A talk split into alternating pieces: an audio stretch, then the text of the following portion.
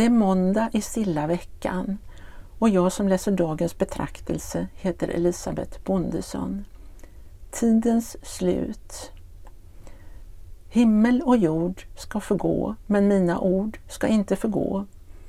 Matteus evangeliet kapitel 24 och vers 35. Av naturen oroar vi oss inför det okända. Denna oro kan ta sig olika uttryck. Vi vill försöka fastslå vad som ska ske och hur, förutsäga dagen och stunden. Åtskilligt av det som skrivits om tidens slut, vårt spekulerande om framtiden, är inget annat än ett, som Hans Urs von Balthasar uttryckte, uppror mot Guds försyn.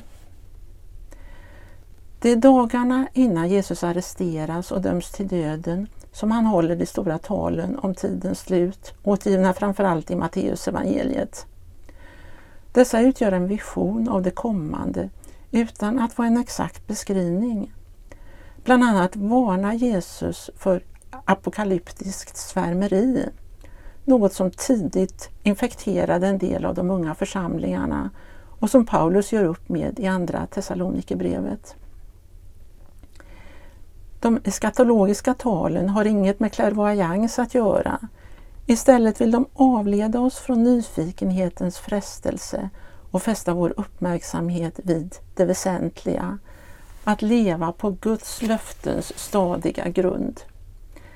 Det finns framförallt ett ord att ta fasta på i det bitvis svårgripbara talet om tidsslutet. Himmel och jord skall förgå, men mina ord skall inte förgå. Det enda tillförlitliga att stå på när solen förmörkas och himlavalvet störtar samman är Jesus, hans ord och hans person. I honom är den kommande tiden redan här. För den som mött honom i nutiden och lever i honom innebär den dunkla framtiden inget egentligt nytt. Av Jesus själv när han mötte oron inför den okända framtiden lär vi det kristna förhållningssättet, det enkla, tillitsfulla överlämnandet av sig själv i Faderns armar, dag efter dag. Det är inte för inte som evangelierna skildrar Jesu död som en apokalyptisk händelse.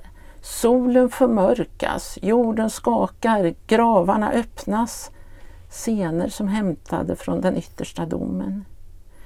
Ingenting som ligger framför kommer att överträffa den timme när Gud i sin son dömde synden i världen. Då uppfylldes orden Nu faller domen över denna världen.